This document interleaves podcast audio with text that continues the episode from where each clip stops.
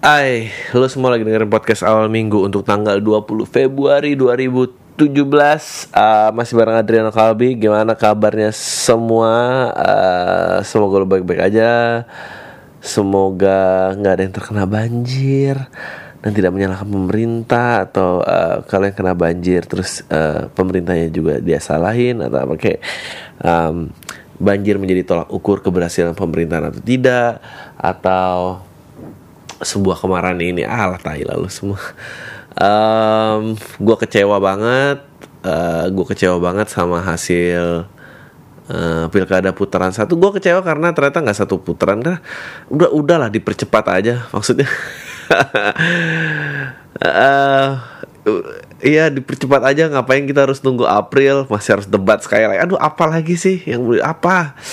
Apa yang mau didebatin? Menurut gue nggak uh, usah semuanya lagi nyoblos nggak usah. Uh, yang mendukung paslon satu aja kemarin yang nggak nggak nggak lolos itu sama yang nggak terhitung itu aja yang nyoblos. Udah itu aja yang dibagi lagi. Apa bedanya sih? Itu nggak akan pindah tim. Ngapain kita harus ngulangin lagi? Aduh. Udah lah yang yang dukung paslon satu aja lah. Itu ditanya mau mau ke mana nih? Mau kedua mau ketiga? Sama yang kemarin nggak kedaftar udahlah yang lain nggak bakal pindah tim. Mereka udah bila, bela mati udah kayak apa tahu? Um, yang keempat tuh apa lagi sih yang mau didebatin? You know I think it's gonna come down to uh, Memang Bapak kalau di rumah biasanya ngapain paslon 2 punya 30 detik untuk jawab? Kalau saya kesukaannya, hobi-hobinya uh, di luar jam kantor itu adalah menghabiskan waktu bersama keluarga-keluarga saya. Uh, di sini juga saya ditemani oleh anak dan istri saya. Halo, dadah, dadah kamera. Um, ya itu aja. Saya tidak begitu uh, mempunyai ambisi. Uh, saya suka mengatur kota ini, tapi sisanya ya saya family man. Kalau saya uh, ini ya saya ada bisnis saya menyukai alat lah. Hook seperti apa, announcer seperti apa, aduh. Um, ya. Ini curang nih, ini curang, nomor ini curang nih. Ya, yeah, tapi nomor ini juga curang nih, ini curang nih, ini ini juga curang. Aduh, gila. Lu tuh semua curang, udahlah sama aja. Ngapain sih lo kayak gini? Itu semua curang, uh, semua melakukan segala cara untuk menang uh, dan ya udahlah. Um, bagi yang ngikutin Iqbal Haryadi, gue kemarin jadi tamu di podcast dia karena gue uh, promote show juga. Uh, masih ada 80-an tiket yang belum terjual. Uh, hopefully lo bakal beli. Kayaknya tanggal 20-an gini tua gini pasti lambat nih pergerakannya. Menurut pengalaman seperti itu. Tapi kalau mau beli lo bisa di shout.id slash lo pikir lo keren. Uh, pembelian terakhir, pemesanan terakhir itu adalah tanggal 2, pembayaran terakhir tanggal 3. Sisanya yang tidak dibayar akan dijual di OTS. Uh, semoga ya habis kalau enggak ya ya ketemu di OTS aja berebutan. 90 ya 80-an tuh dikit ya karena 80-an tuh berarti 40 orang ngantri kalau satu orang beli dua. Uh, so, so semoga ada yang mau beli lagi bagi yang mau gua datang ke kotanya please vote di shout.id slash uh, vote LPLK uh, gua di situ juga ditanya harganya berapa gua akan coba kalkulasi dan, dan gua perhitungin paling nggak nggak nombok. Kalau emang ada crowd yang oke okay, uh, gua akan samperin. Openernya nggak dibawa mungkin pakai opener lokal tapi nggak tahu yang dari sini mau ikut apa enggak ah, ini sih gue nggak punya duit. Gue nggak tahu bayarnya pakai apa. Uh, ya itu aja. Uh, uh, gue uh, di Iqbal gue ngomongin tentang um, ngomongin tentang uh, apa namanya uh, ngomongin tentang pilkada dan apa dan gue nggak pernah bahas pilkada karena ya gue paling ngata-ngatain doang dan ya gue mau bahas gitu. Kemarin gue uh, sempet juga bikin talk show panel panel pembicaranya uh, Armandani Ipang Dewe Zen RS Safik Ali gue which is gue gak tahu itu apakah pergerakan yang baik atau enggak uh, gue nggak tahu itu keluar kapan. Gue actually ngeri ngerjain itu. Semoga editnya bagus. Uh, gue banyak nyeselnya karena uh, ini akan uh, nggak tahu ya. Gue ngeri akan gue ngeri akan uh, mengkuak keamarahan orang gitu. Um, which, which is bukan itu intensinya. Kayak kayaknya ada perbedaan politik uh, setelah berjalan uh, sekian tahun setelah boleh pemilihan langsung. Jadi gue mau recap balik gitu um, uh, ya kita kan 32 tahun dikuasai oleh Orde Baru abis itu runtuh and then uh, Habibie menggantikan masa periode selama tiga tahun abis itu uh, presiden pertama masih ditunjuk oleh uh, Majelis Permusyawaratan Rakyat MPR waktu itu meskipun uh, meskipun pada saat itu suara uh, di rakyat kalau nggak salah PDIP masih uh, PDIP memegang suara tapi untuk kesepakatan bersama gue nggak tahu lah ini. Ya gue tuh lagi lagi sorry sorry gue agak off track. Gue tuh lagi ngomongin tentang gue gue gue berpendapat bahwa I don't think uh, yang tua-tua itu harus ngevote. Gue gak gue gak karena gini ada ada ada penjelasannya. Menurut gue uh, dua masa pemerintahan dari dari harapan umur hidup life expectancy di setiap negara orang itu nggak boleh jadi kalau misalnya life expectancy di negara itu ada 70 tahun dia dari 60 dia udah nggak boleh ngevote. Karena uh, dia pribadinya udah nggak mikirin lain. Uh, fenomena ini uh, menjawab uh, kenapa gue ngomong itu karena ya Trump menang uh, Brexit terjadi gitu. Uh, pada saat uh, tua-tua ini ya gue juga kemarin obrolannya sama Safik Ali ini uh, mereka ngobrolin tentang uh, polemik politik politik identitas sebetulnya. Nah, uh, ke, kenapa orang jadi marah? Kenapa orang jadi apa? Karena setiap orang ternyata punya wilayah sakral masing-masing. Itu up, up, bentuknya bisa macam-macam, bisa budaya, bisa agama, uh, uh, bisa tentang cara membesarkan keluarga, value yang lo anut. Pokoknya ada wilayah sakral. Nah. Uh, pada saat lu tua wilayah sakral ini, ini kayaknya makin meninggi temboknya. Nah, Brexit itu sangat disayangkan oleh yang muda-muda gitu, uh, karena yang muda-muda masih mikirin, anjing gue kalau mau kuliah gimana, gue kalau mau student exchange gimana, gue kalau bekerja di luar negeri gimana, gue kalau menerima pekerja, uh, pekerja dari luar negeri gimana, uh, banyak pertimbangan yang yang yang yang masih panjang gitu, dan, dan dia tahu bahwa um, negaranya tuh nggak bisa eh lo nggak bisa hidup yang gitu-gitu aja. Lo nggak bisa tuh kayak ah, nggak uh, tahu ya yang masih dengerin ini ngerti referensi dulu anak sekolah ya lahir di Betawi sekolah di Betawi ya lo cari rezeki di Betawi lah gitu. Kayak cari masih banyak rezeki. Dan kenyataannya nggak kayak gitu gitu. Nah lo yang ngomongin kayak gitu gue bilang tapi tapi sebetulnya persiapan dan gue beride bahwa kalau perlu dari 15 tahun malah boleh nyoblos. Nah tapi pertimbangan si pemuda ini uh, dalam menimbang sebuah pilihan itu sebetulnya gimana gitu. Nah, kemarin gue juga sempat di ada tuh temen gue dua gue diserang banyak gue bilang gue ya uh, gue lagi ngeledekin tentang uh, ya kenapa sih ada orang-orang yang bilang ya muda-muda golput atau eh muda-muda uh, bukan golput muda-muda apatis karena mungkin kata-kata apatis gue yang salah uh, karena ternyata menurut teman gue kalau golput itu masih pilihan politik dari tapi kalau apatis lu sama sekali tidak mau tahu. Dan ini sebuah kemudahan dari demokrasi bla bla bla bla pokoknya panjang lah ada orang tersinggung. Lu gue kayak akhirnya gue kayak udah gue japri masih nyaut nyaut di twitter.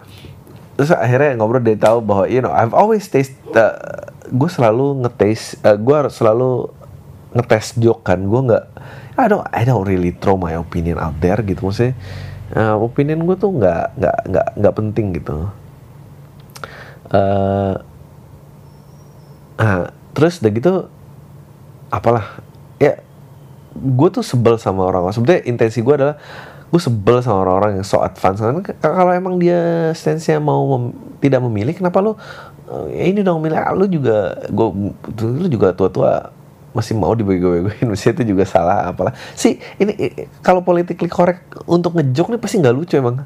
Entah ini political political correctness um, ya intensi gue is always to to to get the joke. To, to go to the joke gitu. Uh, marah. Nah tapi nah semua ini teramu adalah kayaknya eh gue kemarin ngobrol sama Iqbal Haryadi juga kayak dia bilang um, dia baru milih dua kali. Dia umurnya 24 25 dia baru milih dua kali.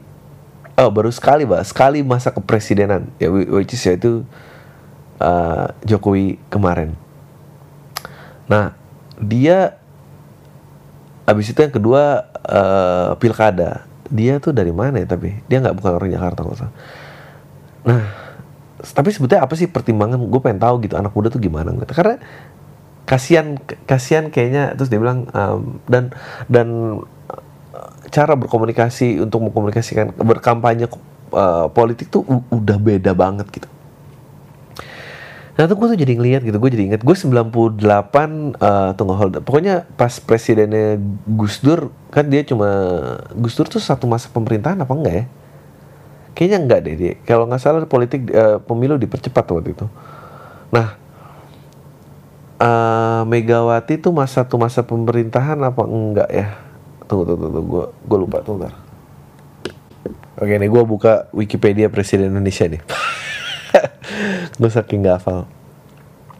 Megawati Soekarno Putri 23 Juli 2001 20 Oktober 2004 which is berarti cuma 4 tahun.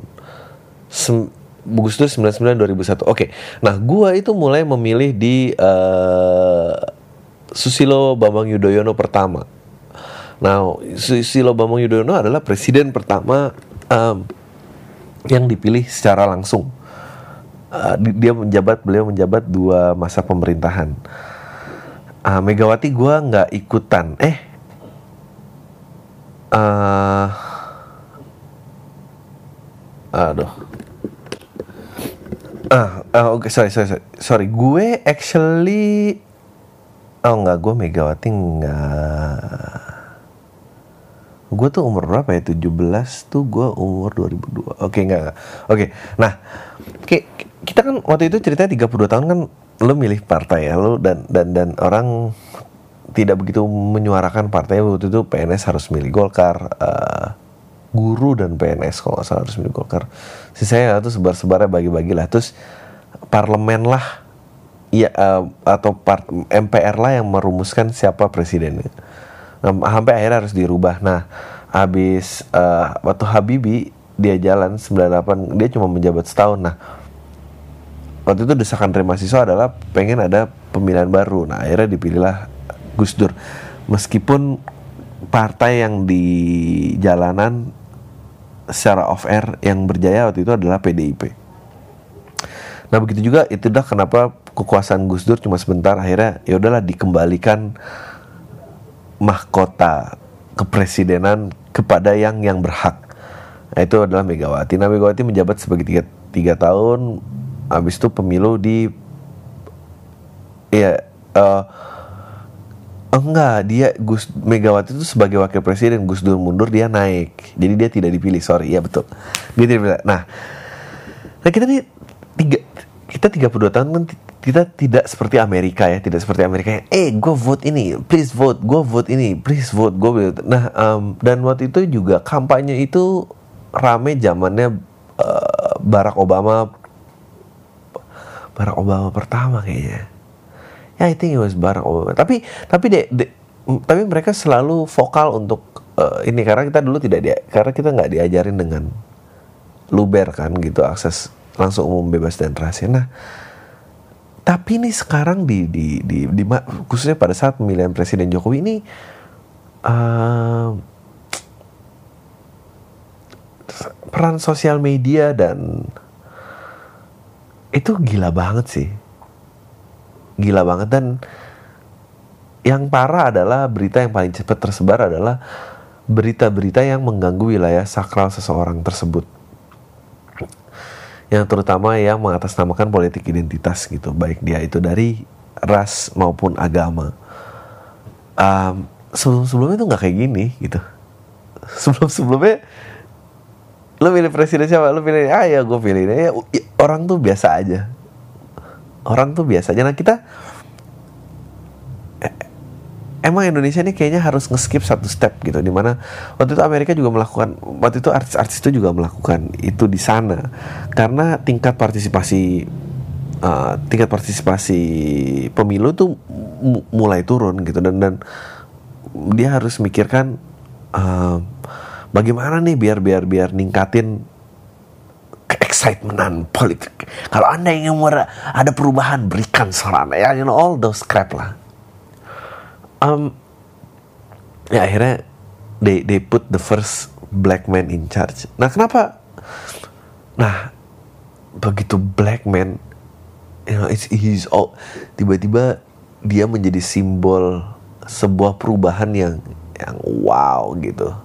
Indonesia nggak gitu ngerayain ini, padahal Indonesia istilahnya uh, kaum difabel udah pernah jadi presiden, you know, perempuan udah pernah jadi presiden. Kita kita kayak ya udah biasa aja gitu. Nah di sinilah mulai tuh si selebriti selebriti itu kayak eh gue pilih nih gue pilih nih gue pilih gitu. Kayak come on and vote apa ini do your change come on and vote blah blah blah blah blah uh, tapi it wasn't that bad sebelum masuk sosial media gitu. Again balik lagi uh, akhirnya kayak gue ngobrol sama keluarga gue nih kayak ya keluarga gua gitu teman sekantor yang apa dan kayak aja ini ini dia kalau nggak tahu bunuh orang tuh dosa dikasih pisau mungkin dia udah bunuh orang kali. It, it, itu yang gue menakutkan sama yang sekarang. Terutama anjing pilkada DKI ini gila banget gitu. Dan dukungannya semua kayak gitu. Gue kemarin juga sempat ngetit gitu. Gue nggak ngerti kenapa. Yang ngedukungnya sebetulnya bisa kayak you know gue pilih si A tapi gue cuma setuju 70 persen. 30% dia salah sih. Semua ya udahlah gue pilih A. Karena gue kalau gue pilih B gue lebih nggak percaya lagi. You know it's clear gitu. To support 100% seolah-olah lu in line with this fucking certain person itu nggak mungkin ada gitu. Itu nggak mungkin ada. Uh, and I, I, I, I don't know episode kali ini gue bisa bikin joke apa enggak. Uh, cuma gue pengen ngeluarin yang anjing nih seberapa orang yang udah persuade kayak whoever yang gue pilih sekarang pun gitu. Gue berarti gue 100% setuju dengan apa yang dia udah lakuin gitu. Atau atau dia mau ngelakuin apa gitu. Tapi ya ya udahlah kata harus milih. Karena ini kayak dan dan dan dan lu dikucilkan kalau lu nggak memilih. Look partisipasi kemarin tuh 80% so so tidak memilih itu bukan kendalanya gitu. Permasalahannya adalah kesiapan dalam memilih ini kayak apa gitu.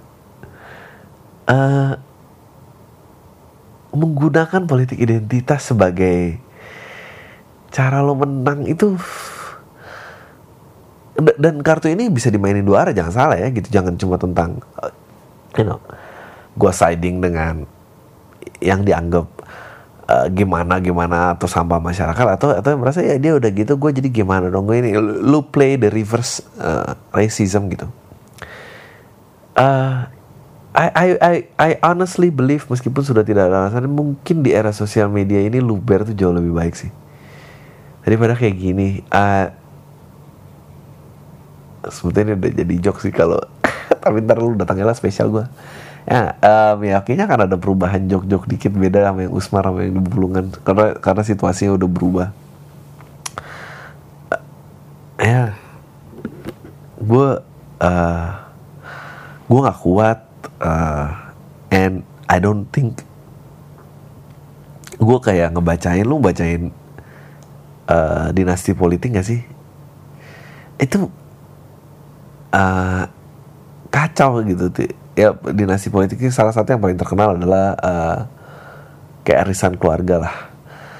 Di kediri nih eh, dia ada gue baca nih di kompas ada ada tiga jenis uh, dinasti politik mana yang terkuat. Yang pertama tuh adalah namanya warisan keluarga. Nah yaitu satu keluarga memimpin satu daerah tanpa jeda. Nah ke, salah satu contoh pertama adalah kediri. Lo kebayang di kediri adalah uh, lebih lama daripada dinasti politiknya Ratu Atut dari tahun 1999 sampai 2009 itu dipimpin oleh satu keluarga. Suami udah menjabat dua periode ya. Eh, ini ini ini ini ini ini, ini hebatnya Indonesia mah selalu bisa lah ngakalin sistem yang kayak orang Amerika juga mungkin yang nyiptain sistem ini juga belum tentu kali kaget-kaget kali dia kalau denger ini. Si Sutrisno ini punya dua istri. Nah, dia menjabat 99 sampai 2009. Nah, 2009 istri pertama lawan istri kedua, men. Hebat kan? Nah, kebetulan istri yang menang tuh istri pertama. Nah, sekarang masuk periode kedua. Nah, ini terus lawannya ini sih akan dihabisin sama istri pertama dua kali dan itu besok kedua gitu. Nah,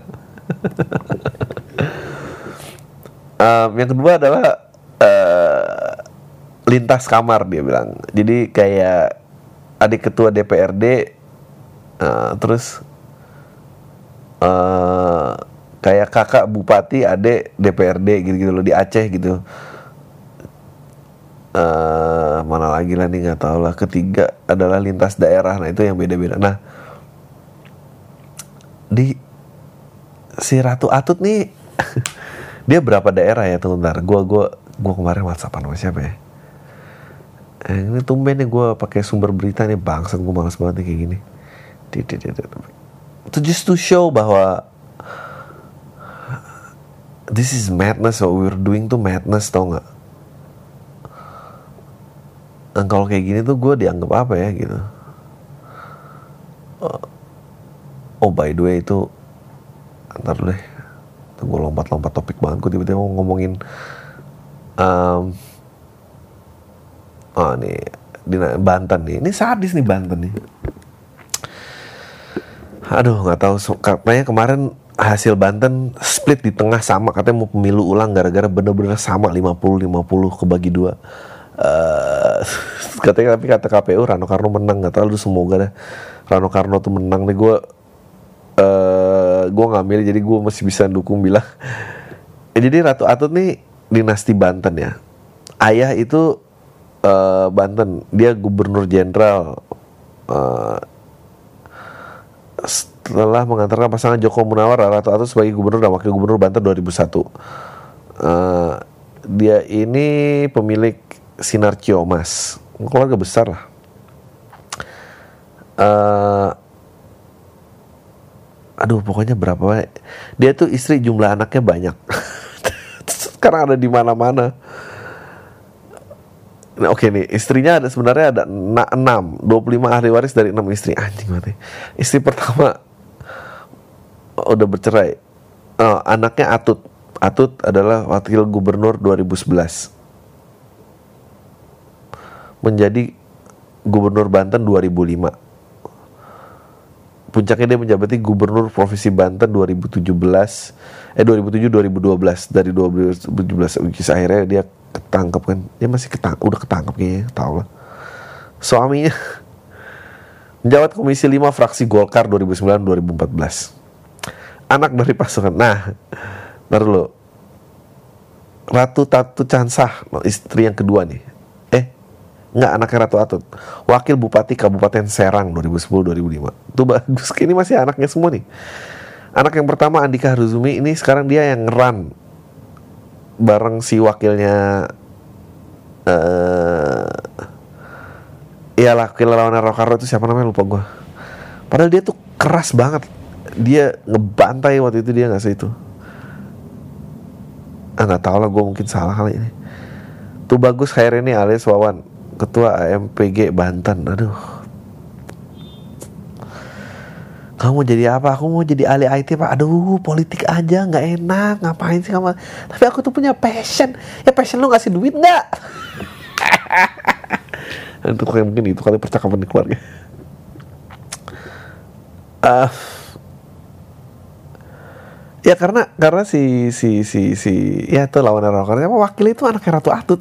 Dia dia nggak bisa naik lagi. Gila banget sih menurut gue dari suami Caisan punya lima anak. Tuh bagus Her Hairul. Wali Kota Serang 2008 2013 sekarang Wali Kota Serang 2013 2018 Ratu Lilis. DPD 2 Golkar Serang 2009 2014 suaminya uh, anggota DPRD Banten 2009 2014 Iloroh anjing nggak tau oke okay ya gitulah pokoknya intinya adalah I know what are we doing? Kayak what are we doing? What fuck we doing sih? Tapi tapi nggak bisa dong kalau nggak memilih eh kalau karena absolute power itu corrupts absolutely dan Fox Fox fully Fox Day. Seorang rakyat adalah seorang Tuhan iya. Tapi kalau satu rakyatnya nggak lo didik gitu ya milihnya siapa gitu? Terus kedua kalau lo selalu ngasih pilihan yang kita harus mempertimbangkan siapa the lesser evil terus apa gitu? Tapi kan ntar kalau misalnya dikasih orang baik dia ntar absolute power ntar absolute power karena ya, which is true sih karena eh, di Korea Utara dia baru bunuh half brother dia kan? Halo. Eh, dibunuh eh, nggak hebatnya adalah dia nyamperin orang dinasti politik dan demokrasi nggak working. So tau ya? Gak sih aku batas dinasti politik. Kamu ngapain sih kayak gitu? Hmm. Em, aku tabok apa kalau kekerasan rumah tangga kita kerekam di sini kayak apa ya Aku punya bukti. punya bukti Punya bukti. untuk di pengadilan Iya.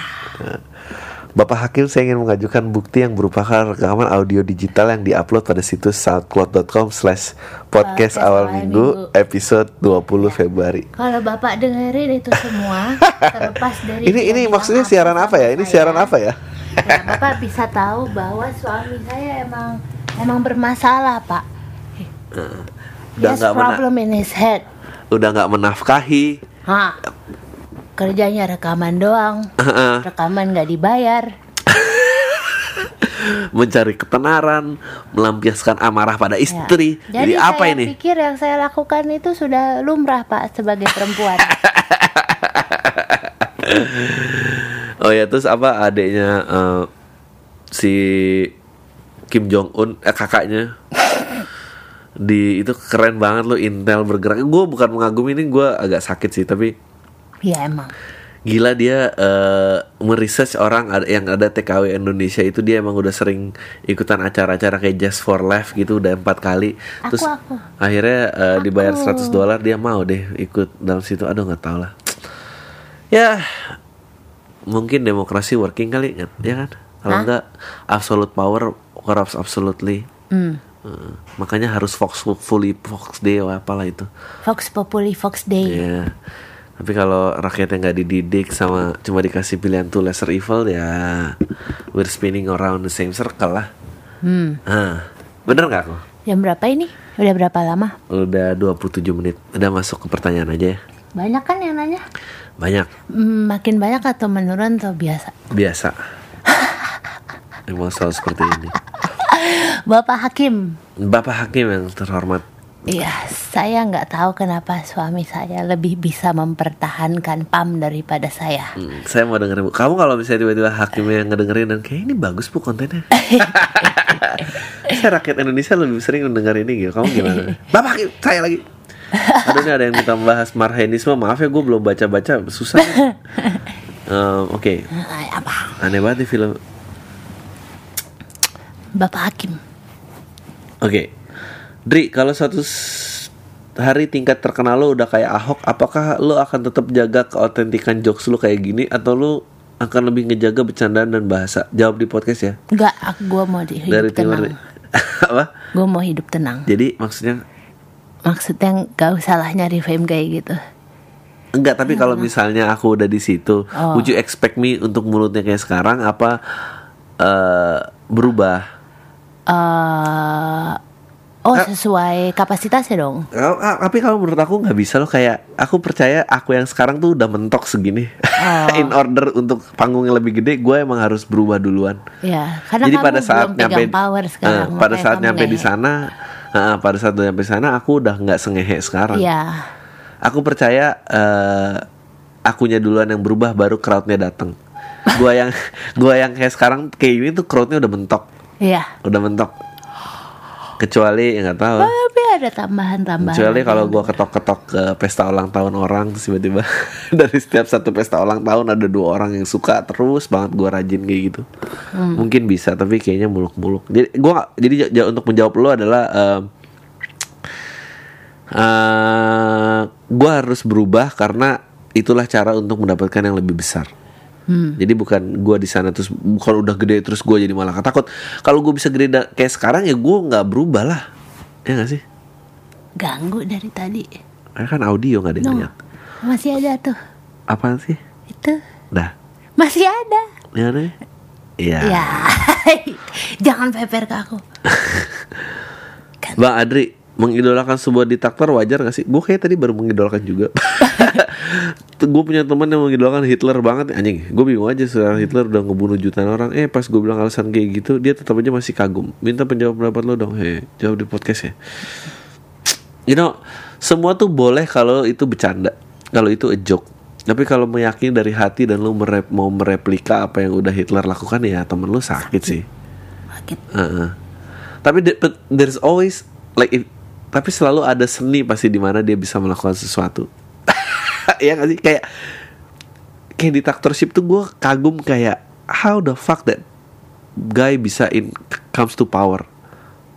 Gi- gimana dia bisa menyihir orang eh Membodohi. Oh, well, kamu nggak boleh underestimate membodohi gitu. Menurut aku itu pasti ada taktik entah disogok, entah ada ancam dan aku nggak percaya semuanya harus kekerasan, nggak bisa. Oh ya itu. Mungkin- mungkin it's ada a yang- form of membodohi. Hah? It's a form of membodohi lah. Enggak lah, membodohi kan soalnya dia nggak tahu harus jalan ke mana. Tapi menurut aku orang-orang yang setuju sampai diktator ini comes in power itu bener-bener ngikut gitu. Either dia digaji gede terus gua diam, Iya. Iya, Itu nggak dibodohi, Bu. Oh, dibodohi lah. dibodohin tuh kalau ada orang idiot yang lewat waktu SD eh buka dong roknya terus dia fret roknya nah itu tuh membodohi dia nggak tahu what he's getting Oh into my gitu god, apa ini? apa Ini boleh nggak? boleh Oke. Um, iya kayak dan gue tuh bingung gue paling sebel eh, menyudutkan ke satu orang gitu kayak Hitler nih jelek banget enggak lah itu semuanya jelek pasti nggak mungkin lah Hitler sendirian gitu mau bunuh emang dia apa yang dari yang mulai punya ide sampai yang eksekusi kan enggak semua orang agree Um, ya gitu. Dari bahas Kanye West dong dari segi musik dan kreatif sama egonya dia. Lo actually Kanye West is a very good musician.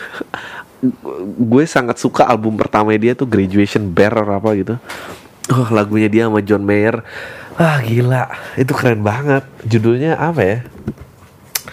Yang waktu dia sampling dari Through the Fire tuh keren. Um,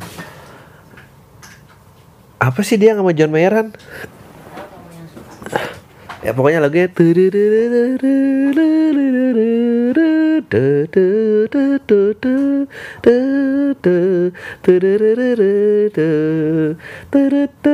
Pokoknya, pokoknya dia cerita eh, tentang berantem sama pasangannya in a very explicit way gitu. Dia marah.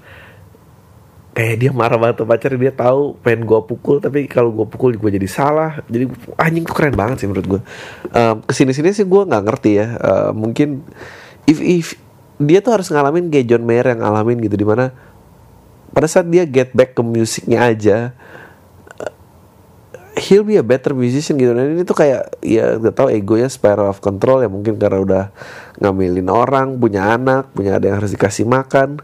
Kalau nggak berkarya ya harus cari sensasi yang kayak gitu gitulah Ah, terus apa lagi? Bang minta tips dong biar gua nggak jadi orang picky. Gue picky banget nih terutama memilih pasangan. Tolong jawab di pam eh nggak tahu lu laku banget emangnya ceritanya? Kalau enggak sih ya nggak ada aja. Kalau lu kalau lu ngerasa picky tapi lu ngerasa keren ya nggak apa-apa jalan aja sendiri gitu nggak usah. Nggak ini ini eh, nggak tahu ya itu mah umur lah. Segitu. Nggak tahu gue sih nggak picky. Ya kalau lu nggak mau pacarin ya masa harus lu pacarin? Gimana sih? Eh udah ke anjing nih baru 34 menit gitu ngomongin apa lagi nih gue Oke, ini gue kemarin ada yang kelewat. Eh, kasih masukan dong buat komik-komik di daerah ya dong bang yang bisa dikenal senjaknya di daerah sendiri. Saya mutusin mulai upload video YouTube, eh, video stand up di YouTube dan bagian linknya di sosmed biar orang yang nggak tahu lihat komik-komik di daerah sendiri. Tapi kalau diupload kan bisa buat materi itu jadi nggak asik kalau dibawain lagi. Dan orang yang nonton udah pernah nonton di video itu enaknya gimana? Emang kasih saran dong. Sasi sarana. Sarana apa? Sarana panggung. Tolong dijawab di pam ya. Um, gue tiap ditanya lagi gue tuh nggak ngerti ya. Gini, gini menurut gue ya kalau nanya kayak gini pertama yang paling penting adalah ada kalau lu ikut stand up adalah ya lucu dulu lah. Lucu di sampai di titik di mana anjing anak ini lucu banget anak ini lucu banget gue percaya eh nggak tahu ya gue nggak bukan sosok motivational. Sampai lo nggak bisa didinai lagi bahwa lo tuh lucu gitu. Uh, gue pun juga aduh gue nahan banyak banget video stand up gue gitu. Pertama sih sebenarnya gue pengen banget video stand up gue di luar karena waktu itu zamannya ditaruh di YouTube. Tapi waktu itu waktu itu ada yang mengadmini channel stand up Indo kalau nggak salah. Terus pas giliran punya gue di upload pokoknya punyanya punyanya Rindra itu ke upload punya gue nggak. And I think tiba-tiba jalan gue udah ke determine aja. Abis itu gue nggak pernah pengen ngupload juga gitu. Um, kayaknya lo harus nemuin kepuasan dalam membuat joke gitu. Gue gue nggak ada yang lebih nyenengin daripada joke yang berhasil sih.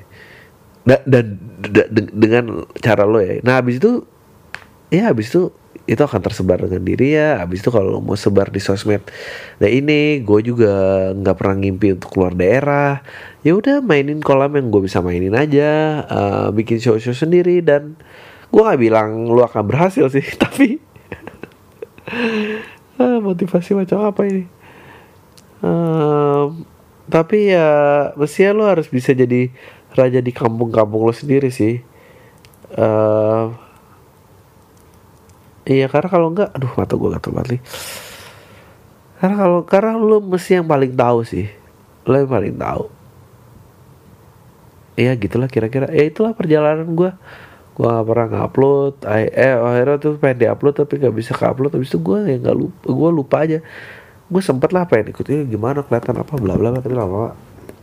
Tapi ini lima tahun men, lima tahun lama. Uh, ya itu kelewat minggu lalu maaf ya Halo bang, bisa dibilang gue bisa dibilang baru beberapa bulan lah dengerin lo dan jokes lo bisa bik bisa bikin gue ketawa in diri sendiri. Miris sih emang, tapi emang lucu mau gimana lagi ya.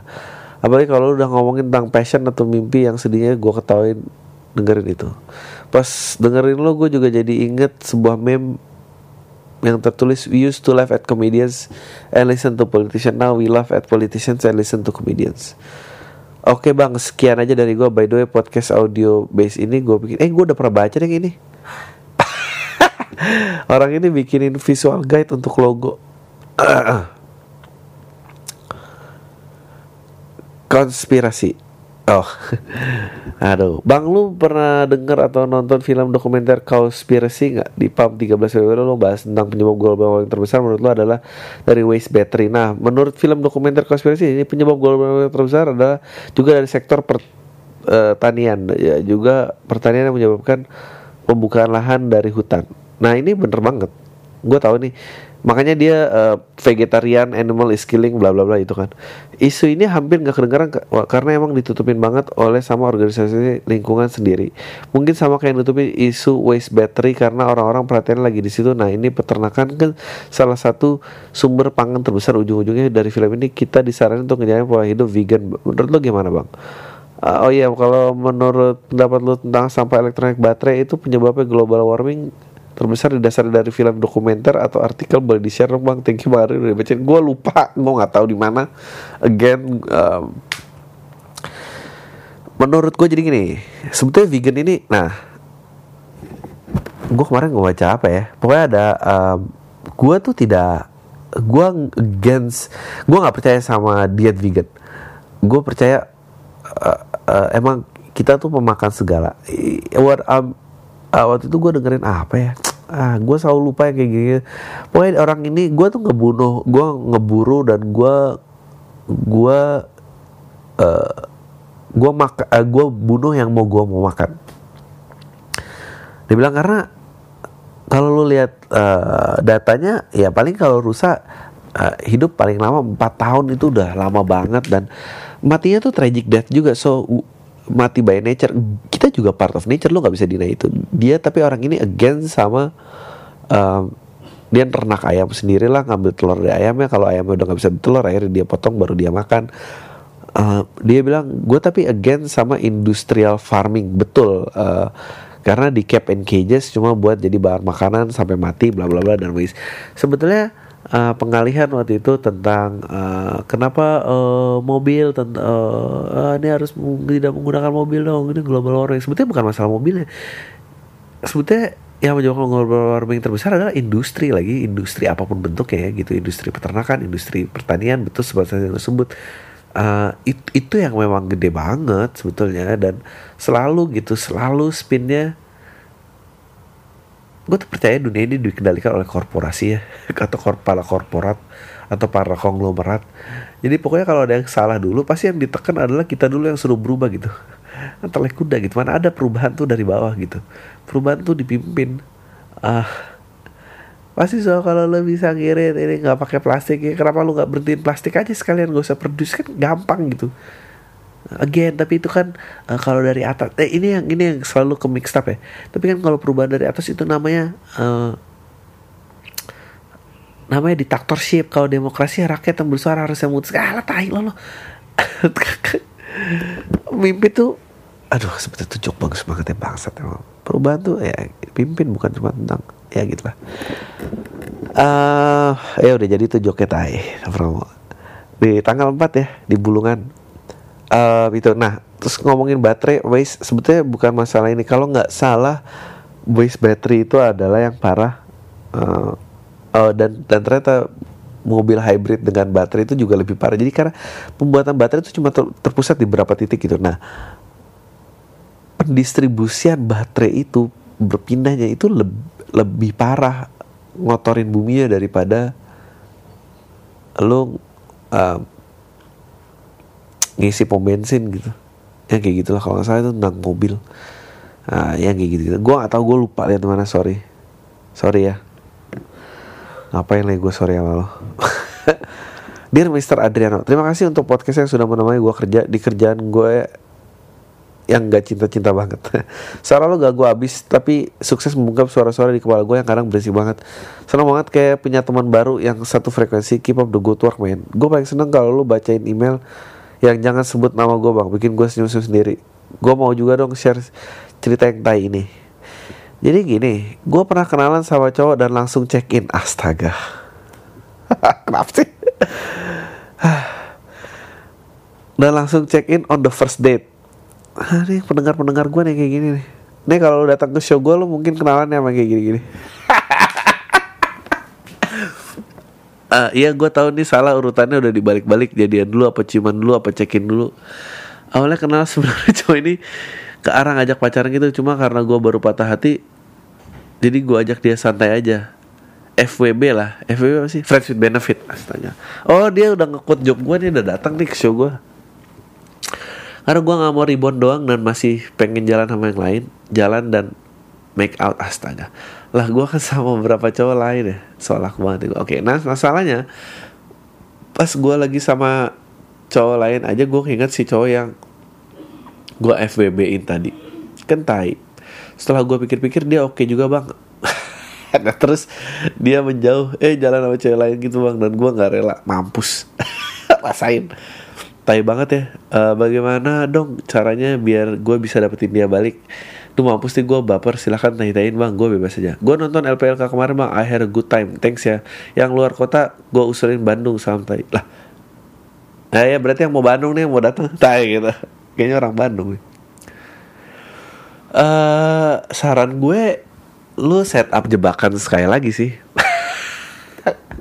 Kan kalau check-in kan kekurung tuh. Nah pada saat kekurung itulah Percakapan-percakapan uh, sehabis melakukan itulah yang lagi melo-melo gitulah.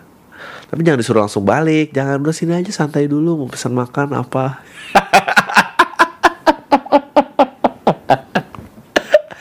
Oh mau nggak tahu sih an? Lucu juga. Mau ke mana? Balik udah sini aja. Kamu juga ini ampun. Yang ini kan semalaman gak jauh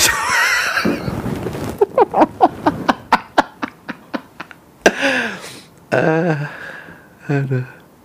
Ya gitulah. Ya lu ngerti lah maksud gue dari situlah lu bicarakan coba dengan lebih baik. Tapi lo harus rela kalau dia tiba-tiba bilang ya tapi kemarin aku baru sama si A. Ya udah telan aja. Tapi you know lo harus bisa ngelewatin itu semua. Peri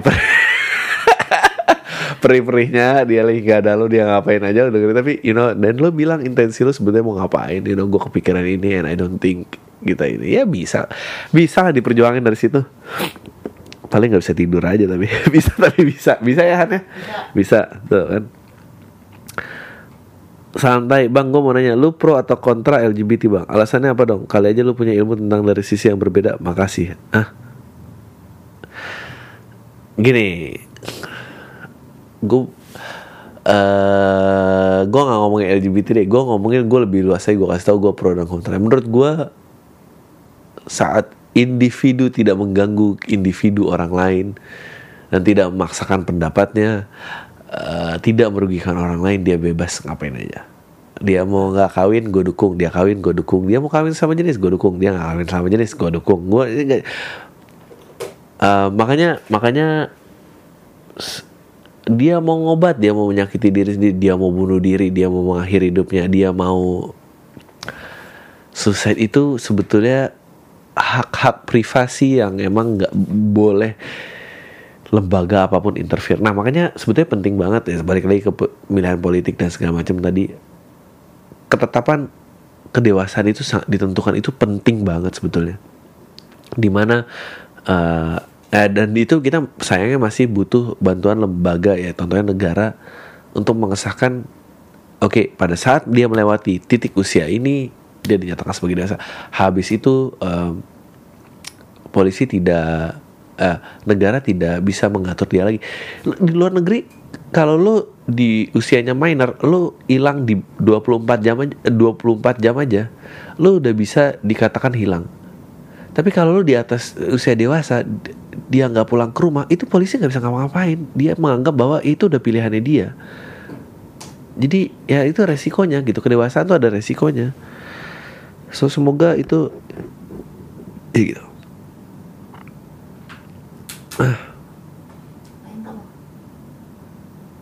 Eh, halo Ba- hai bang Ari ini email ketiga gue jawab di pam ya lo ngelakuin investasi apaan sih? Gimana caranya ngatur keuangan keluarga sama ibu kalbi dan pas dulu masih single? Eh bang gara-gara dengerin pam episode berapa gitu? Ngomongin tentang bank dan bitcoin nah apakah itu gue jadi takut nabung di bank pengen investasi aja menurut lo gimana? Eh gue investasi yang se- sekarang sih belum tapi dulu dulu gue mainin reksadana gue ada asuransi yang bersifat eh unit link tapi itu nggak efektif. Kalau mau sih reksadana eh, waktu itu ada emas juga. Ngatur keuangan keluarga ya lo nggak usah tahu lah itu mah privasi banget gue nggak mau ngasih tahu. Tapi kalau lo mau ngasih tahu itu ya gue sih nggak percaya sama bitcoin gitu-gitu em, apalah yang kayak gitu oke tunggu bentar aduh Eh, halo Bang Adriano Kalbi, apa kabar? Gue yakin baik-baik aja. Nama gue tahun ini gue 22 tahun. Jangan sebutin namanya Bang. Ah, telek lah. Gue harus cari deh nih menit 48, oke. Gue mau curhat aja sebenarnya. Eh, Minta pendapat lo atau saran dari sudut pandang. Eh, boleh gak sih nggak minta disebut namanya tuh disebutin di atas gitu. Atau nggak minta dibaca emailnya tuh ngomong di atas gitu. Lu kan udah baca semua terus jadi Langsung aja nih bang, gue baru lulus kuliah. Ini nggak masalah sama kuliah Tapi yang terjadi adalah masalah sudah kuliah. Pas kejadian gue dinyatakan lulus Gue dapat berita yang kurang enak. Nenek gue sakit. Awalnya gue pikir nenek gue nggak akan sakit lama. Tapi bed rest udah hampir 3 bulan. Dan selama 3 bulan itu sampai sekarang gue bingung banget bang. Harus gimana hidup gue sebenarnya? Dah baru 3 bulan. Gue punya adik. Gue habis lulus tuh nganggur 6 bulan Gue pernah lagi nganggur 10 bulan. Gue punya satu adik cowok dan gue tinggal sama adik nyokap dan nenek. Selama tiga bulan tuh ya gue merasa banget dapat pukulan bang. Lah orang-orang sekian gue nyuruh gue cepet-cepet kerja biar bisa bantu nyokap. Tapi gue mikir nenek gue juga bang. Nyari pembantu atau orang yang ngerawat lansia kan susah banget. Gue udah mulai benci sama orang yang sering gue nggak benci juga sih tapi mungkin kesel. Lebay banget benci. Aja gue ngapain sih ngoreksi diri lu sendiri? Ini kayak gue semua yang ngomongnya sekarang mereka selalu nanya kapan kerja? Udah kerja belum? Oh, eh, sampah banget udah basa basinya bingung deh gue sama orang-orang tuh hobi banget basa basi gitu kalau ditanya kayak gitu kapan nikah? Kapan kerja? Udah kerja belum? Gue enak banget bang denger ya Rasanya pengen gue teriakin aja atau enggak Ya logika aja bang. Sekarang, sekarang siapa aja sih yang mau Sekarang siapa sih yang mau kerja Bikin-bikin gue Eh bikin bahagia keluarga? Gue kadang suka mikir gue di setting Buat selalu terlihat bahagia Terus. Ya nggak usah lihat bahagia aja Tai lu gitu. Sampai gue nggak boleh nangis di depan orang Soalnya gue itu tegar banget. Ya kan gue manusia juga. Lu ini panjang ya? Gue paling gak bisa banget nyokap gue nangis. Nah Nah menurutnya buat tanya menurut pendapat lo ketika kehidupan lo yang lo pikir baik depannya ternyata berubah nggak seperti yang lo harapin dan keadaan itu tetap menuntut lo tetap harus bisa senang dan bahagia tuh gimana depan semua orang? Gimana? Gue enggak sih gue bisa nyelamatin diri gue dulu sendiri. Um, kalau nyokap lo emang minta dibantu ya mendingan sih lo cari kerja. Kalau nyokap lo yang ngomongin tapi kalau kayak om apa tuh kucing lah nggak usah. Ah. Iya. Tapi kalau misalnya lu tanya sama nyokap lo jagain nenek ibunya dia sama dia cari kerja dia bilang mana ya ikutin aja. Oh ya emang bikin topik usia 20 sampai 25 dong bang kayaknya seru tuh kalau dibahas jam. Anak-anak kan tuh biasanya teman-teman gue banyak tuh masalah masa itu. Makasih banyak bang. Podcast sih gue efek di kehidupan gue. Wake wake wake. Ngasih ngasih efek tapi ketawa masih wake wake. Terus terus bang. Sukses selalu bang. Salam tai dari warga yang lu tai taiin. Oke. Okay. Bang minta rekomendasi buku atau menurut lo orang harus baca atau paling enggak buku favorit lo? Oke, okay, thanks bang. Send from my iPad. Sedap punya iPad ya. Uh, gue kayak udah sering nih ngomong ini. Um, iya udah sering banget ya. Carilah di mana podcast uh, yang gue suka banget adalah uh, aduh ya baca jawab juga sih An kamu gampang kan jawabnya Buku yang ngerubah pola pikir gue pertama kali gue baca adalah ya, judulnya uh, pengarangnya Paul Arden. Dia seorang penulis iklan. Judul bukunya adalah It's not how good you are, it's how good you want it to be. Ya masih uh, motivational cheesy, motivational cheesy gitu sih, tapi uh, itu mungkin pertama kalinya pola pikir gue mulai loose, mulai bisa oke okay, dari sini bisa dari situ bisa. Terus kalau salah whatever you think think the opposite itu dua buku itu. Uh, habis itu ah itu banyak lah Confession of the Economic Hitman. Uh, gue baca Sherlock Holmes lengkap. Gue udah lupa itu zaman SMP uh, 1984 George Orwell. Uh, nggak tahu Marsha lebih banyak baca buku daripada gue. Ya kayak gitu gitulah adalah. Dri gue mau tanya kenapa komik-komik kayak G Pamungkas, Kemal, Ari Kriting stand upnya lebih pecah di Suci Kayaknya di Suci itu udah peaknya mereka. Sekarang mereka kalau stand up nggak sepecah atau selucu pas di Suci. Padahal pas di Suci mereka anak baru. Sekarang lebih pengalaman. Ari Kriting sendiri kemarin ngakuin di PAM kalau dia susah mencari level pas dia di Suci. By the way gue udah beli tiket lu pikir lu keren dan gue ajak pacar gue modalnya show kali ini sold out. Dan lu tetap ngasih yang terbaik kayak show kemarin-kemarin orang bilang. Santai. Ah ya gue pasti akan ngasih yang terbaik. Uh, terima kasih. Semoga kita ketemu sana sebetulnya bukan nggak pecah. Mungkin karena referensi komedi lo lebih banyak kali. Sedap. Dia pecah di suci kan gue nggak ikut suci. Sedap. Padahal kalau gue di suci masih ngebom. Um, mungkin kalau mereka ntar bikin show tunggal sendiri mungkin pecah kali. Uh, iyalah. Ya sih? Ya gitu lah. Sama Ari, perkenalkan saya Henry. Dia udah nyebut nama lagi, minta nggak disebutin. Nah, awas ya. 24 tahun pekerja teknisi kantor swasta izin berbagi cerita dan mohon tanggapan nih. Cerita ke abang dan kayaknya di rumah tiap nyeritain ini bahan jawabannya selalu sama. Jadi saya sudah masuk kerja sejak 2011 dan masih pakai ijazah STM. Gaji cukup buat saya bayar kuliah sambil kerja. Hebat, luar biasa awal 2016 kuliah mau lulus di kantor banyak teknisi keluar saya mau keluar nunggu selesai kuliah dulu saya bisa ngelamar pakai ijazah sedap Juli 2016 ditawarin perjalanan dinas ke Australia 5 hari buat ngehadirin seminar. Tapi mesti tekan kontrak nggak boleh keluar selama 2 tahun. Kalau mau keluar uh, mesti ganti sekitar 25 jutaan. Oke. Okay. uh, dengan berbagai pertimbangan akhirnya diambil. Nah Oktober 2016 kuliah saya lulus cuma saya nggak bisa keluar karena kontrak. Akhirnya ini ngajuin kenaikan gaji Oh shit lu salah lu. Dengan ngasih tanda lulus kuliah nggak ada tanggapan. Gaji sekarang Cukup buat sendiri nggak berlebihan buat buat berdua. Tapi kalau berpasangan nikah bakti ke orang tua. Sering kena sindiran eh, karena mau maunya ke Australia pakai kontrak. Selalu saya ketinggalan oleh teman sekampus dulu ketika gaji ah oke. Saya tetap nggak bisa dibayar keluar juga. Dan buat nyari yang lebih baik gaji saya sekarang sebulan bisa dapat nggak usah disebut. Nah gini dong. Bilang nggak sebutnya gini. Sekian dan sekian jutaan Uh, menurut abang ketakutan saya itu berlebihan gimana? Terus bagaimana tanggapi sindiran-sindiran itu? Uh, makasih banyak bang Adri. Hendri ya kalau sindiran-sindiran ya lu lu kuliah gue tuh bingung ya sama orang-orang kayak gini-gini nih lu kuliah pakai duit lu sendiri lu kerja bisa nafkain lu sendiri lu bisa naf uh, istilahnya lu gak ngidupin pasangan tapi lu berdua cukup eh orang lain tuh gak perlu lu kasih masuk gitu emang orang-orang itu di mana gitu? Ngasih tahu orang lain gajinya sih. ke aku? Enggak, dia ngapain ngasih tahu orang oh ya jadi merasa tertinggal sama temennya. Ya itulah itulah. Nah ini lu lu nggak perlu ngasih sindiran tuh masuk kehidupan lu. Nah kalau lu ngerti betapa pentingnya hidup lu lah lu liatin hidup lu aja lu nggak usah ngeliatin gaji orang. Lu itu nggak ada habisnya men. Itu nggak ada habisnya. Orang itu nggak tahu apa yang lu jalanin. Mungkin eh, berapa minggu lu di Australia itu orang itu mungkin belum pernah ke Australia. Jadi lu nggak bisa pukul kayak gitulah pengalaman juga ada harganya gitu. Em, ya gue saranin sih lu nggak usah ngeliat-ngeliat itu dan ini udah diambil. Nah next time adalah yang perlu gue kasih tahu adalah sebelum tanda tangan sesuatu adalah s- i- i- lu nggak nggak usah se- selalu jago tawar-tawaran. Ini ini taktik tawaran yang selalu gue pakai. Apa pun sifat tawarannya harus lu setuju never take the first offer. Always try to negotiate bukan lo berarti lo nyebelin negosiasi tuh hak lo. Jadi misalnya kayak lo dikasih ke Australia 5 minggu tapi kontrak lima tahun.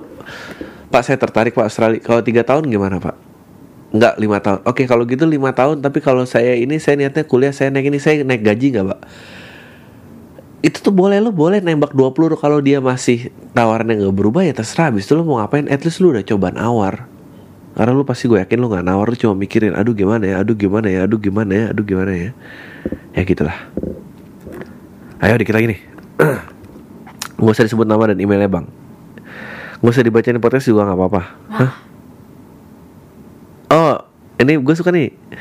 Dia eh Tapi menurut satu jam dia nge-review tentang Testimoni tentang eh apresiasi untuk 2016 eh, salah satunya ada gue dia menjajarkan gue dengan konser ef- efek rumah kaca eh, Stars and Rabbit dan eh, The Brandals. Like gue thank you banget. Eh eh, po- blognya itu Erlana Dliu.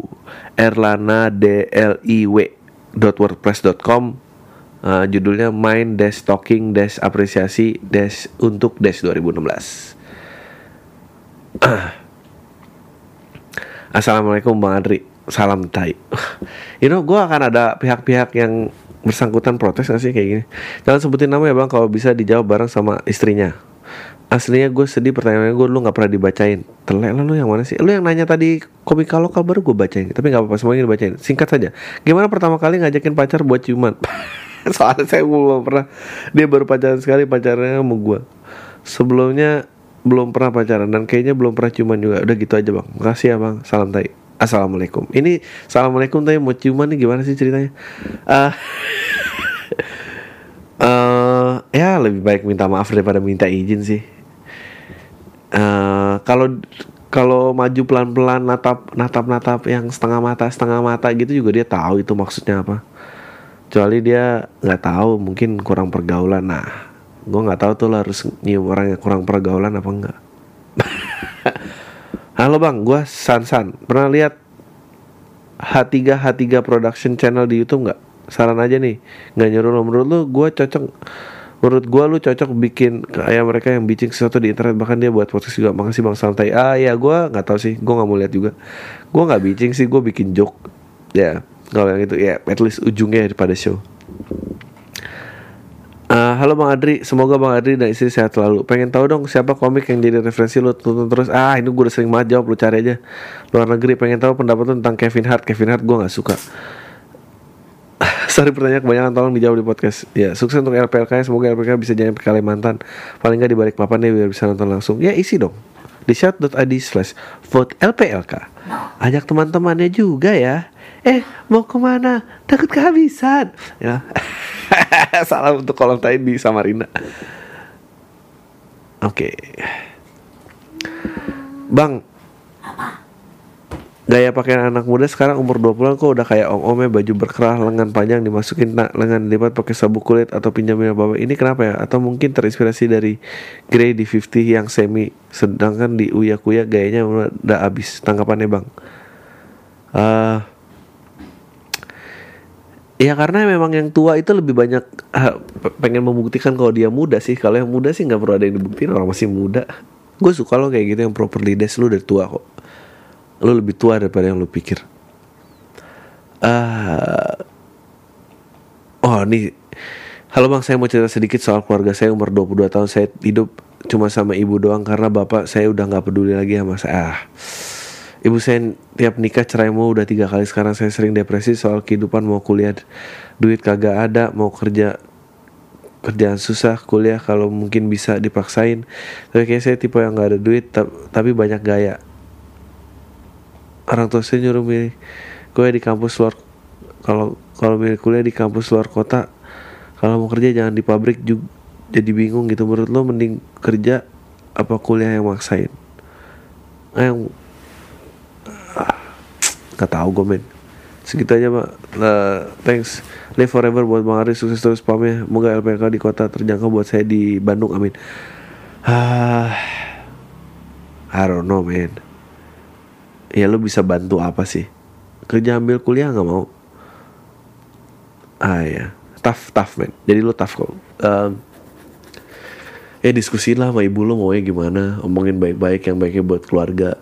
Um, uh, ya I think emang menjalankan ego itu sebuah privilege kok kadang orang harus menyampingkan egonya demi yang lebih gede so hopefully lo nemuin jalan keluar ya but ya omongin sama ibu lah Bang gue mau nanya pendapat lo sama aktivis yang suka ngebela binatang tapi ketika uh, saudara kita yang manusia ditindas mereka diem aja gimana menurut lo? Well ya ini kembali lagi makmur dulu sebelum beradab. Kalau petugas kebun binatang aja nyicil motor mandek lihat makan daging susah tapi harus ngasih makan harimau makan daging ya berat lah gimana sih? bukannya berarti gak peduli sama harimau tapi lo harus lihat dari sisi itu ya. satu lagi gimana dapat tuh soal orang menengah ke bawah tapi ingin merasakan karya tapi nggak sanggup beli original. Tiap di sisi lain nggak mau ke, uh, karyanya dibajak. Ah itu pasti nggak di gimana solusinya bang? Makasih. Well great artist still sih. Borrow still you know. Mesti internet kan menghilangkan itu jadi gue masih ya udahlah curi-curi aja gimana. Kalau emang gitu tapi kalau itu ya paling resikonya kalau dicuri ya gue dulu juga nyuri ya udahlah. Oke. Okay. dari gue salah satu seorang pendengar yang kemarin beli tiket show LPK sore tapi sayangnya hari itu oh lucu banget nih. Saya sayangnya tiba-tiba hari H tiba-tiba anak gue jatuh sakit. Di hari itu gue mesti nganterin dia ke rumah sakit. Dan dokter anak gue pas hari Sabtu itu ramai luar biasa. Bablas lah impian gue untuk nonton lo stand up komedi yang cihuy itu. Resiko seorang ayah sih tapi apa boleh buat. Tapi gue agak dendam gitu sama anak gue jadinya. Kok bisa bisa sih sakit pas papanya mau nonton Adriano Kalbi eh udah mulai gila nih sampai-sampai gue punya kepikiran balas dendam ke anak gue jadi nanti kalau dia dewasa mau pergi prom night sekolah atau kampusnya pada hari H sebelum dia berangkat gue pura-pura sakit dan minta anak gue itu nganterin ke rumah sakit. Uh, dia bakal tetap bisa ke acara promes sih tapi tertunda di kita sama lah kayak gue yang jadi tertunda menikmati stand up lo ini. Jadi di rumah sakit nanti gue bakal bilang ke anak gue papa cuma pura-pura sakit dan ini bikin kamu jadi kecewa karena acara kan sama kayak perasaan papa yang dulu tertunda nonton shownya no Kalbi anjing untuk dia bikin show susulan di bulungan coba kalau nggak kamu udah papa kurung kamar mandi supaya nggak bisa datang ke prom night Jadi terima kasih udah bikin susulan ini menyelamatkan nasib pergaulan anak gue kelak. Time eh, thank you man, I'll give you my best. Berapa lagi sini? Satu, dua, tiga, empat. Aduh banyak banget ya. Bang film Indonesia terbaik menurut lo apa? Sang Penari Berbagi Suami. Nah bagaimana pandangan lo terhadap dunia perfilman Indonesia ke depan? Bagus ya kayaknya sekarang. Sekarang lagi rame kan? Terus gue minta rekomendasi film luar yang menurut lo dan istri terbaik Supaya gue bisa nonton buat nonton film-film yang terbaik. Ah, Split kemarin sangat menarik tonton itu. Um, Apa ya? Butterfly Effect. Jelek ya Butterfly Effect? Sunshine of the Spotless Mind. Eternal Sunshine of the Spotless Mind Um, apa tuh dulu Christopher Nolan apa yang ditato-tato ya Girl with Dragon Tattoo bukan yang filmnya mundur. Inception sebelum dia Inception. Ada orang short term memory loss uh, Memento. Makasih udah jauh di podcast gue minggu lalu. Semakin banyak yang dengerin podcast ini Gue udah coba ngasih teman-teman biar suka. Tapi mereka nggak suka Lebih milih vlog youtuber. Jangan berhenti bikin podcast. Oh ini nggak dibales. Eh Aduh lu email berapa kali sih? Saya ini mau ketiga Minggu saya ini Kedua Email ketiga Yang kedua minggu ini. Anjing lu ngapain sih?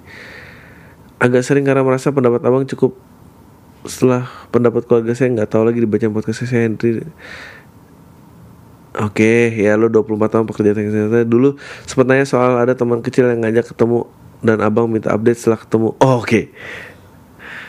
Eh, setelah ketemu beneran jadi saya sih terkejut mau sampai ketemu setelah terakhir ketemu 2013 udah lama banget ya obrolan sih standar dari nyeritain ke mana aja selama nggak ketemu dan pas udah nyerempet-nyerempet nanyain kabar keluarga mulai mepet ngerasa hubungan saya ini ngerasa dia mau sama saya. Sedap. Sudah saya pastikan kalau dia udah nggak punya pacar. Asik. Ini sudah sinyal positif dia mau. Cie, cuma ini biar nge ngekiniin aja biar saya nggak mendadak minder. Karena ya secara fisik dan keuangan saya belum semapan semua orang bayangkan. Saya minta pandangan abang gimana soal kejadian saya ini. Saya cantumin fotonya biar doi abang ihi saya cantumin juga foto doi biar abang bisa ngasih pendapat yang lebih. Terima kasih bang ya bang. Em, menurut gua sih ya lu ceritain aja kondisi ya menurut gua eh, tanyain mau pacaran apa enggak dan dan deskripsiin aja kalau mau pacaran. Nanti gimana ya nggak? lalu sejujur-jujurnya aja ya kalau dia nggak mau ya berarti bukan buat lo. Oh udah kalau dia terima ya oke. Good luck men. Eh, halo bang gue mau pendapat lo tentang sebagai copywriter. Sebelumnya ngebahas politik gue cuma pengen tanya pandangan lo tentang oke oce. Kok kayaknya nggak en nggak enak didengar ya? Keci sih tapi keci yang ngeselin. Apakah itu salah satu trik Suatu produk harus kedengeran biar ngeselin Biar diingat orang? Iya. Ya harus biar diinget lah maksudnya. Intinya bukan masalah kesel nggak kesel. Kenapa gue selalu pilek sih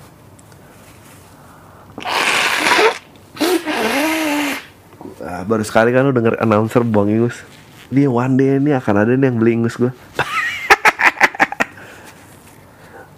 by the way eh gue udah gerah juga dengar orang politik eh Pia Sukspia apa sih? Ah, semoga acara LPK Nanto di Bulungan. Hah? Ya oke terima kasih, gue udah jawab kan. Just gonna go through semua. Oh nih tinggal dikit lagi tiga. Bang lo kenapa selalu ngasih name, nama cewek Nita buat cewek di jokes lu? Mantan terindah lu bang santai. Eh Bukan tapi gue juga nggak tahu kenapa. Gue dulu kalau nulis skrip juga Selalu Nita nama cowok tuh kalau nggak Aji Tono. Eh gue malas mikir aja sih orangnya. Kecewa gak lo sama jawabannya? Bang gue mau nanya dong Tentang, tentang sekularisme Terutama di ruang lingkup Islam. Aduh. Oh ya gue baru denger paham lo yang tanggal tanggal 12 kemarin lo bahas tentang Ernest. Ternyata gue dari dulu 2012 kan juga berpikir Ernest tuh nggak sepintar orang-orang ngomongin. Kalau dibanding komik lain kayak Semi Panji dan lu. Tweetnya juga dari kemarin ngebusnya nggak jelas. Jarang pakai analisa cerita aja bang. Eh, gue suruh cerita nggak mau lah ngapain. Terus bang sumbangsi Radit di dunia stand up Indo selain jadi penggagas di Comedy Cafe dan jadi juri di Kompas apalagi soalnya dia nggak pernah ngadain special show. Kayaknya pernah ngadain deh. Tour atau tampil di acara apa gitu apakah overrated buat dia? Pioneers Eh, nggak kenal men. Gue tanya aja coba anaknya. Terus gue perhatiin tiap tahun juga temennya ganti mulu tergantung siapa yang juara suci kompas. Dia nggak punya temen apa? Nggak tahu. Eh, nggak tahu dan gue nggak mau jawab tadi pernah sekularisme apa sih? Bahasa lu berat banget. Oke Eh, ya udah itu aja tai lu semua. Eh uh, ya buy my show please. Uh, please datang you'll have a good time. Uh, dah. Eh kok dah sih lu semua